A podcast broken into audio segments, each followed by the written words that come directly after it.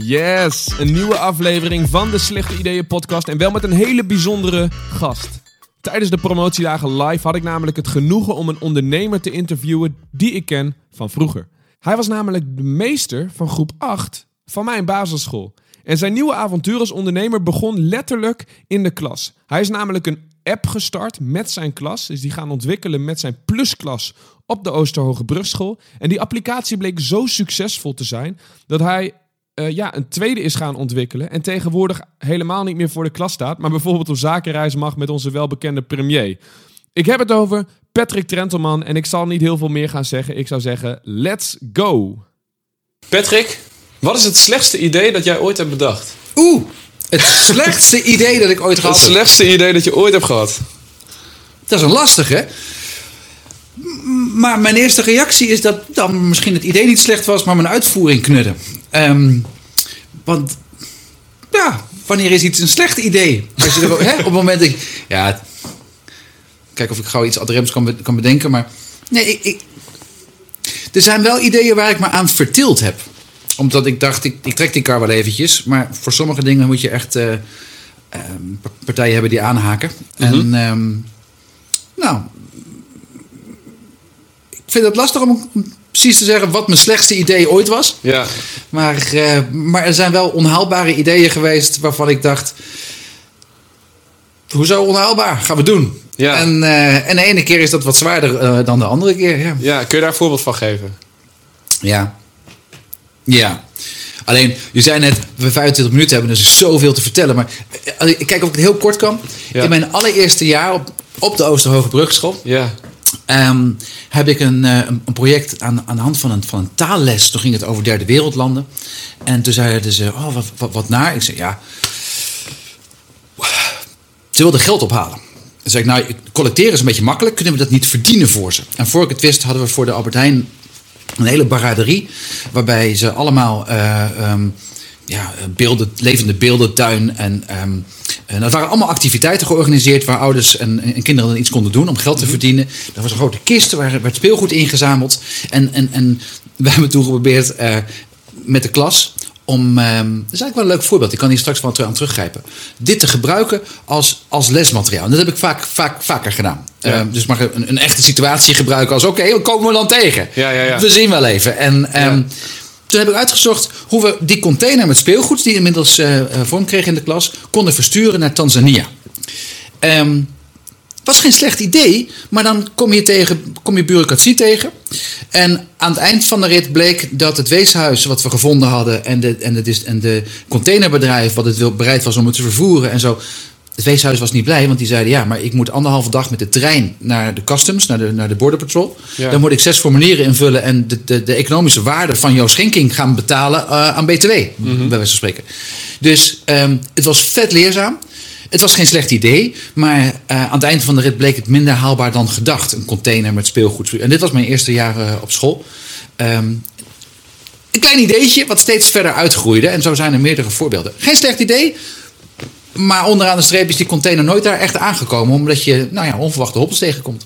Ja. Dat is niet erg, want mijn doel is gehaald. Met de klas samen zo'n avontuur aangaan en kijken hoe ver je komt. Ja, precies. Dus de les, de les is geleerd voor de klas en voor jou. Ja, precies. Ja. ja en, en volgens mij uh, is dit wel de manier hoe jij denkt, toch? Ja. Ja. En uh, om maar gelijk met de deur in huis te vallen. Er was eens een dag op de Oosterbrug Brugschool met een plusklas... waarbij jij uh, ook, nou, waar ook een idee ontstond. Ja. Hoe, is dat, hoe is dat gegaan? Eigenlijk is het wel leuk dat ik het voorbeeld net gaf. Want het, ik heb aan, bij die taalles die ik gaf toen. Ja. Dit is nog het vorige voorbeeld en dan schakel ik over. Ja. Ik heb bij die taalles niet gedacht.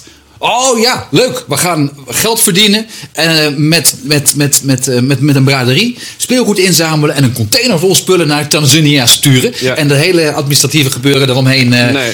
geografisch en alles. Ja. Dat is niet het plan geweest. Nee, nee. Maar ik ben niet bang om. Ik, ik, ik, heb nooit een plan. Het, en dit is ook niet dat ik op een dag. Zo, ik ga een start-up beginnen met mijn klas. En dan gaan we een platform bouwen. wat op een gegeven moment in, in, landen. Wat, wat, wat, wat, zo groot wordt. Nee, het begint met.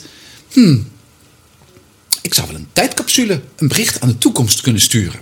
Ik toen dacht toen nog heel eenvoudig aan een koker. Ik had een luik in de kruipruimte van de klas dat open kan. Om die gewoon oldschool in te graven. En over tien jaar te zeggen. Nou, prikken een datum. En over tien jaar spreken we hier af. Uh, en, dan, uh, en dan graven we dat ding op. En dan gaan we kijken of onze voorspellingen. Onze, nou ja, of de boodschap die we aan de toekomst gestuurd hebben. Hoe we die dan ontvangen. Ja. Toen zei een van de leerlingen. Ja, ik. Uh, vind het nogal analoog meester. Ik heb Facebook, ik heb Snapchat, ik heb Instagram. Ik heb, en dan ga ik straks een, een tekening of een handgeschreven brief op, op, opgraven. Is wel leuk. Zou ik nu een VHS-videoband opgraven, denk ik, moi. Dus kunnen we dat niet iets digitaler maken? Eh, ik heb liever een voicemailtje van mijn vroegere ik. Nou, toen zetten we kleine stapjes in het programmeren. Mm Dat bleek zo goed te gaan dat ik dacht, ik, heb hier eigenlijk wat professionele begeleiding nodig. Toen heb ik New Nexus, softwarebedrijf, uh, nu nog in Tunardo. We gaan, ze gaan verhuizen naar, naar, naar Hagen. Ja. New Nexus aangeschreven. En toen ben ik met twee leerlingen daar naartoe gegaan om te pitchen, dit idee. Ja. En, en zo krijgt het. Zo, ik heb dus niet een stip aan de horizon waar ik naartoe wil. Ik heb een. Ik, ik kijk vlak voor me. Nou, ik, ik kan daar staan. Ik kan nog een stapje zetten. Oh, misschien als ik. Oh, als, als ik. Als ik die zou aanschrijven, wie weet, vinden ze het wel leuk. En dan blijkt dat verbinding leggen. Nou, ehm, Jan en Richard van New Nexus vonden het een mooi project om een basisschoolklas te helpen programmeren. En ons te laten zien, hoe, wat komt er nou kijken bij het bouwen van een app? Gewoon als, als, als MVO-project, maar ook met een welbegrepen eigen belang om het, om de IT, eh, het vak IT te promoten. Nou, en zo stapje voor stapje groeit dat door. Want het begon met dat je eerst kleine stapjes met hun voordat je überhaupt bij New Nexus was. Hoe ging je dat dan doen? Wat voor stapjes waren dat dan? Wat, wat ben je dan gaan doen met die klas? Nou, dan grijpen we, grijpen we ietsje terug. Um, het, het, was een soort. Het is niet een groep 8 geweest, maar ik had één dag in de week een plusgroep. Ja meer presteerders die vroeg met de week daar klaar zijn. Zo van, nou, ik ga maar lezen tot de week voorbij is. Dus die gingen naar mij toe. Op een gegeven moment had ik er 35. En dan heb ik dus geen methodes of een curriculum waar ik aan vastzit. Ik kan doen wat ik wil met ze. Ja. Projecten. En daar ligt, daar ligt mijn hart. Ja. Um, even de vraag, anders verdwaal ik straks in een, in een verhaal. Je vraag was heel precies nog? Um, uh, goeie vraag. Wat was de vraag? Uh, die kleine stapjes. Dus je bent begonnen met. Uh, oh ja, wat de deur je stapjes. Maar wat waren die kleine stapjes in het begin? Ja. Ja, ja. het begon met een reis door de tijd eigenlijk. Met, met, met natuurkundeproefjes en nadenken over, over waarom is de wereld zoals die, het, zoals die is. Een beetje zoals de periode de verlichting in de geschiedenis. Nogmaals, het was geen plan, maar ik was techniekcoördinator en ik deed dat soort proefjes met veel plezier. En dan kon je dan filosofisch over nadenken. Een slinger van Foucault is gewoon een, een stalen draad met een kogel. Die laat je slingeren en op een gegeven moment gaat die draaien. Dus dan kreeg je met de kinderen, nou, waarom draait hij? En dan kun je dan, en dan, dat hebben ze een paar honderd jaar geleden zo aangetoond dat de aarde rond is en draait. Nou, dat soort proefjes. Mhm. Toen kwam de industriële revolutie, waarbij ik het ongelooflijk vind hoe kort het geleden is. Dus de uitvinding van de stoommachine. Mhm. Eigenlijk het startschot voor de wereld zoals we nu kennen. Met, met globalisering en industrialisatie en de welvaart. Maar ook de keerzijde. Dat is pas 150 jaar geleden zo'n beetje dat, dat, die uitvinding. Dat vind ik ongelooflijk kort. Ik heb een 50 eh, jaar oude Volvo, een, een Amazone, opgeknapt. Ehm, dus ik, vanuit de stoommachine was autotechniek een logische. Ik heb er echt van genoten hoe groep 6 ehm, echt kon vertellen hoe een explosiemotor, hoe, uh, hoe dat werkt. En toen was, toen was programmeren of de digitale revolutie een logische volgende stap. Mhm. Dus ik ben op internet gaan zoeken naar ja, ik kan niet programmeren, maar ehm, ik kan ze misschien net voorblijven en met ze samen dat leren. Mhm. Ehm, ik vond een website van MIT, uh, van Massachusetts, waar je met een visuele programmeertaal, met blokjes, een soort Tetris-achtige dingen, die klik je in elkaar. En zo konden we al een heel aardig script bouwen. Ja. Dat heet nu Scratch en Studio Code, maar ik had toen nog een hele beta-versie in het, in het Engels, ook wel mhm. leerzaam. Pardon. Ik heb het maar uitgezet. Maar... Um, dus zo stapje voor stapje door de tijd heen. Totdat we aankwamen bij nou, proberen te programmeren. En dat werd al heel aardig. Dus ik, ik dacht toen, ik heb een, een volgende stap nodig. In een professionele slag waar ik hulp bij nodig En toen heb ik uh, uh, New Nexus aangeschreven. En die hebben ons toen een jaar lang begeleid bij alle stappen die je zet bij het echt bouwen van een app. Dus uh, requirement sessies, user stories uitwerken, tot een wireframe. En nou ja, dat zijn begrippen die kennen de leerlingen op een gegeven moment. Dus elke week of twee weken kwam er een een, ambacht, een professional van New Nexus ons helpen. En uh, aan het eind van het jaar is op, tijdens de Let's Grow evenement op de Grote Markt gelanceerd. Uh, omdat het natuurlijk ook erg mooi past.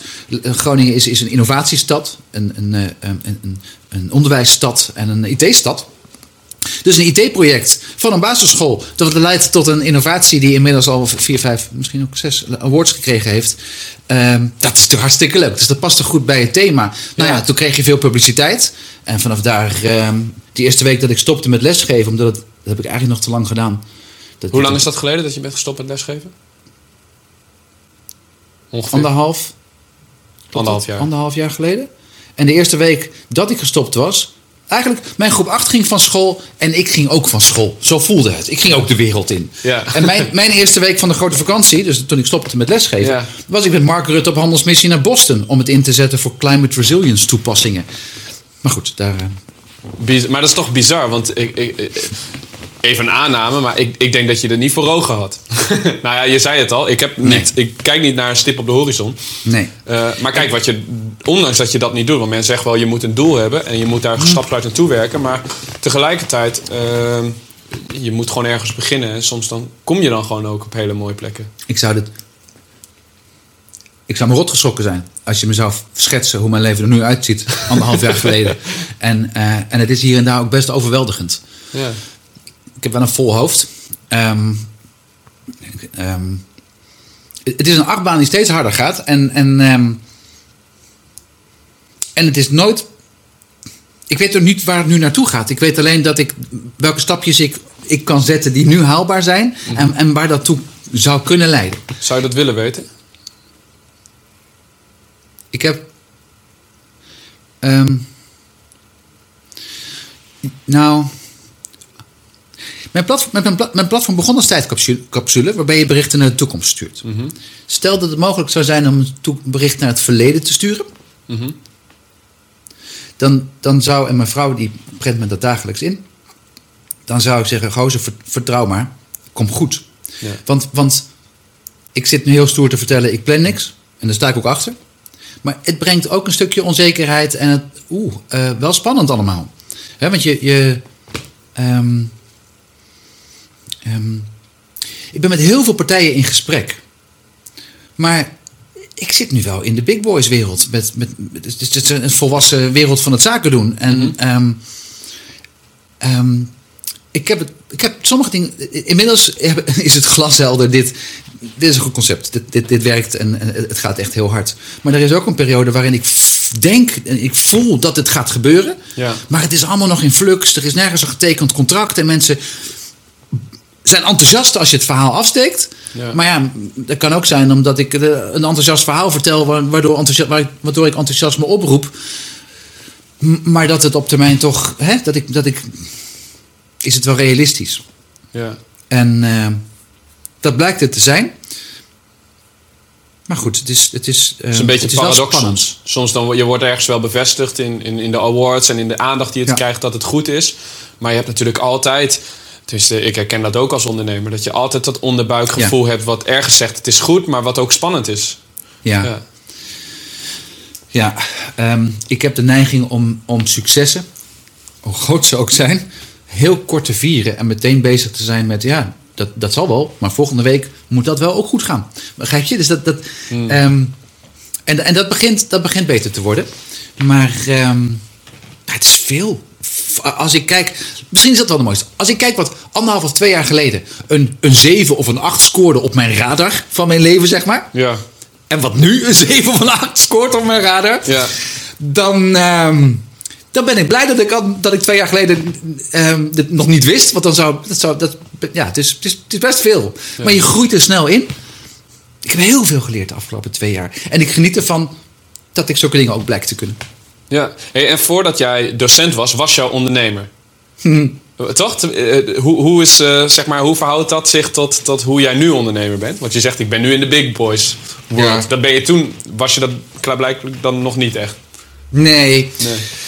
nee. Um, kijk, als ik zo terug Kijk, dan, heeft er al, dan ben ik wel vaker. Ik noemde even zo'n zo'n taalproject. Ja. Nou ja, dat heb ik op een gegeven moment ook weer losgelaten. Want dat, dat ging niet een bedrijf worden. Maar zo zijn er veel projecten die ik opgestart heb. En, en die plots bleven groeien in mijn hand. Mm Dus ja, ik kan, het, is, was eigenlijk wel te voorspellen dat ik, dat ik in het ondernemerschap terecht zou kunnen komen. Hoe, mm hoe onlogisch ook vanuit een basisschoolleraarschap. Maar toen ik 16 was, kocht ik uh, alarmsystemen uh, in Amerika... die ik uh, zelf als colporteur huis aan huis verkocht bij mij in de wijk. Hm. Dus ik, dat, dat ondernemende heeft er wel altijd in gezeten. Ja, ja, ja, precies. Dat deed je toen al. Hey, en ehm, wat is dan de belangrijkste succesfactor voor jou nu, zeg maar, in dit, in dit hele verhaal van Spacetime Layers? Hmm. Ik wil iets waardevols maken.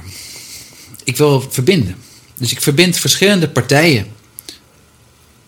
Ik weet niet of, of, of, ik, of we in deze podcast. of mensen weten wat, wat, het, wat uh, Spacetime Layers eigenlijk is. Misschien moet, moet, moet daar even een stap Ja, doe terug eens. doen. Even, vertel. Schetsen wat het platform doet. Ja.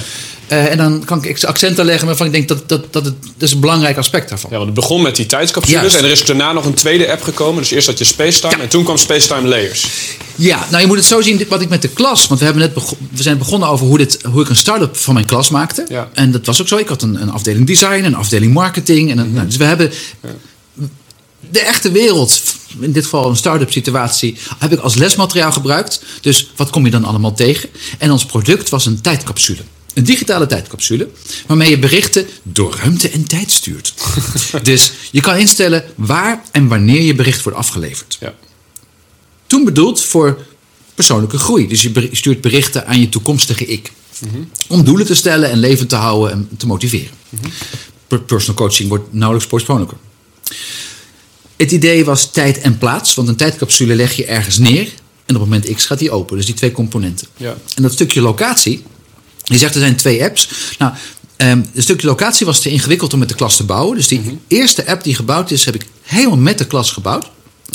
Ehm, die is gelanceerd. En ehm, dat kreeg zoveel media-aandacht. En rond die tijd, vlak, vlak voor de lancering, had ik een stadswandeling van de Groninger Archieven door de Volkingenstraat. En die gids die vertelde. ehm, ik dacht de Volkingenstraat een beetje te kennen. Daar ben je toch wel zo heen gekomen, dacht ik. Maar hij wees elke 10 meter wees hij op, een, eh, op allemaal sporen uit het verleden die net onder het oppervlak Ja. liggen. Dus die, die wassende maan in dat wegdek van koper, dat had ik wel gezien. Maar dat je die elf delen samenvoegt tot één oog. Waarvan de volle maan in het, in het, in het midden van, het, eh, van de Volkingenstraat eh, de pupil is. En als regenwater daarin blijft staan, is het als, als een traan in het oog. Als het verdriet van de Joodse bevolking in, in, in dat Joodse buurtje. wauw. Toen dacht ik, oh man, dat, dat, dat wist ik niet. Nee. Eh, er zit aan, op de hoek van de, van de Volkingen en het Zuiderdiep Die deur. zit een deur. Ja. En eigenlijk, en dat zit ook in presentaties die ik pak per dag geef, ehm, is het een geboortefoto van het platform. Want het ziet eruit als een rot, brakke houten deur. Ja. Maar dit is het niet. Het is een koperig kunstwerk.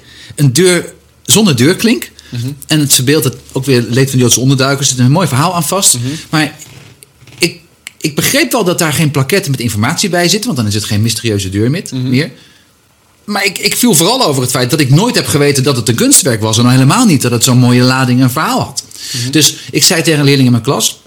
Als we nou eens een, een, een, een virtuele presentatie, een soort spreekbeurt.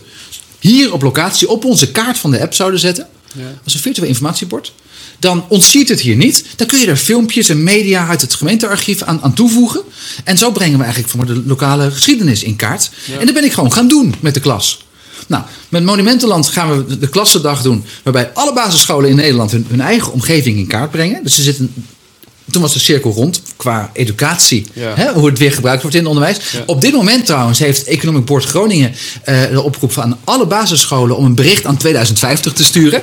Met Spacetime. Dus er is een kaartlaag, de tijdcapsule van Groningen. Wat gaaf. Waarbij al, met een paar burgemeesters en wethouders en van Economic Board Groningen ook. Die, die hebben de eerste berichten geplaatst. En je kunt iets heel moois winnen. Een, eh, een, een, een, eh, een uitje met de hele klas naar het speelgoedmuseum. Nee, stripmuseum. Maar goed, berichten aan 2050. Ja, dat vind ik wel superleuk dat daarmee de cirkel rond is. Maar ja, toen kwam het, het archief, ehm de Groningen Archieven. Die zeiden, mogen wij daar ook op? Zeg, ja, maar dan moet ik gaan scheiden van de content van leerlingen. Dus toen kwam ik op het idee van kaartlagen. Ja. dat bleek een gouden greep, want met een webportaal beheer je je eigen kaartlaag. Ja. En toen historische genootschappen, archieven. Uh, Alleen al op monumentgebied heb je gemeentemonumenten, rijksmonumenten, 4 en 5 mei monumenten, struikelstenen. Er is zoveel als het gaat om de cultuursector. En die hebben allemaal een eigen website. Er was nog niet een platform waar ze dat samen op konden doen. En Wat je eigenlijk hebt gecreëerd, want normaal gesproken vertellen mensen verhalen. Jij hebt iets gecreëerd waarin gebouwen verhalen kunnen vertellen. Of waarin een kaart, waarin een, een, een locatie een verhaal kan vertellen. Dat is wel heel erg bijzonder. Dus, dus, dus de, de kaart, de kaart heeft een verhaal te vertellen. Ja. Groningen heeft op dit moment 16 apps met de verhalen van Groningen. Een vestingstadje Boertangen.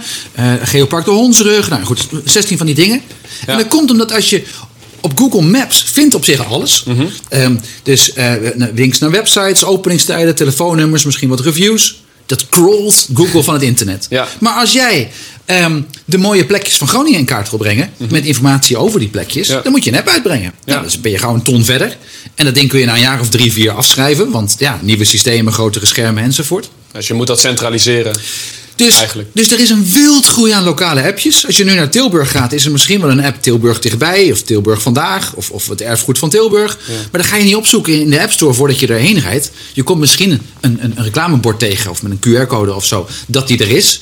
En mensen hebben steeds ik, ik wel in elk geval, de downloadbereidheid van al die losse lokale apps neemt af. Ja. Terwijl als je het allemaal combineert op één kaart, dus en de Funshop-gids, uh, dus buy local, uh, melk bij de boer, vleestap.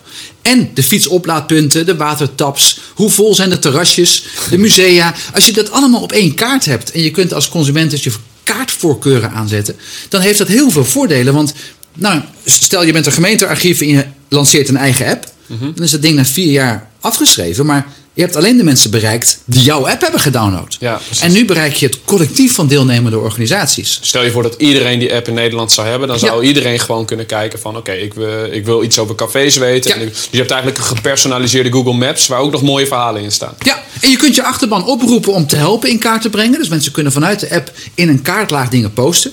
Maar de organisatie houdt daar, houdt daar altijd controle over. Ja. Uh, want die hebben een eigen webportaal. Ze blijven eigenaar van hun content.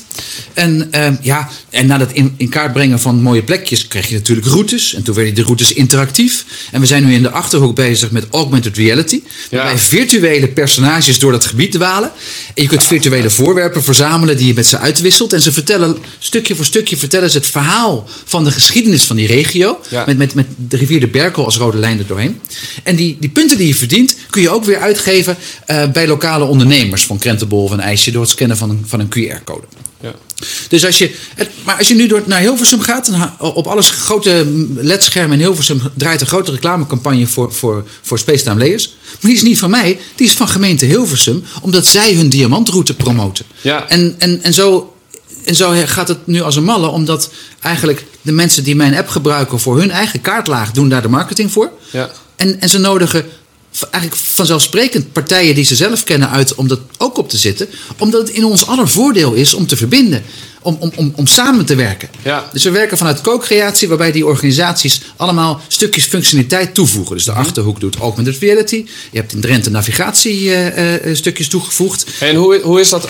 De tijd vliegt. Ja. We ja. hebben twee minuten.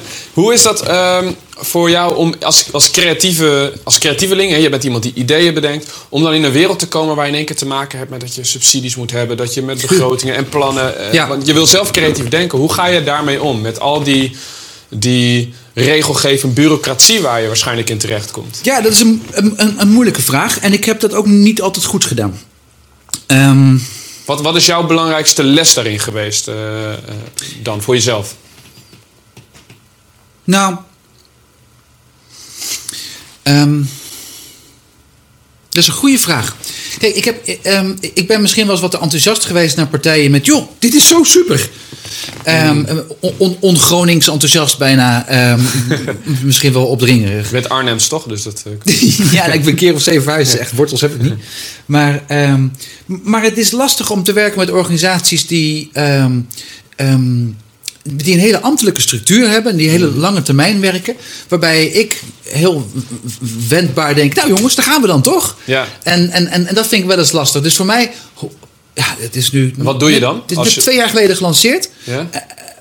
En voor mijn gevoel gaat het allemaal niet hard genoeg. Nee. Terwijl als ik, als ik de tijd zou hebben om uit te leggen wat er allemaal speelt en in hoeveel landen, dan mag ik echt niet klagen. Nee. Maar um, ja, dat past ook bij het vieren, niet vieren van successen, maar de hele tijd meer en beter en harder willen. En, en dat, dat werkt niet goed in combinatie met, uh, um, nou ja, zoals je de vraag stelde. Nee, maar dan is de antwoord, het antwoord is misschien dat je in ieder geval zelf de energie houdt om door te blijven gaan. Ja. Door te blijven. Hè? Dus uh, je nou, eigen energie, heb ik. Je eigen energie is waarschijnlijk het antwoord of het, ja. het, het, het, het, het, vaccin tegen, uh, tegen de bureaucratie geweest.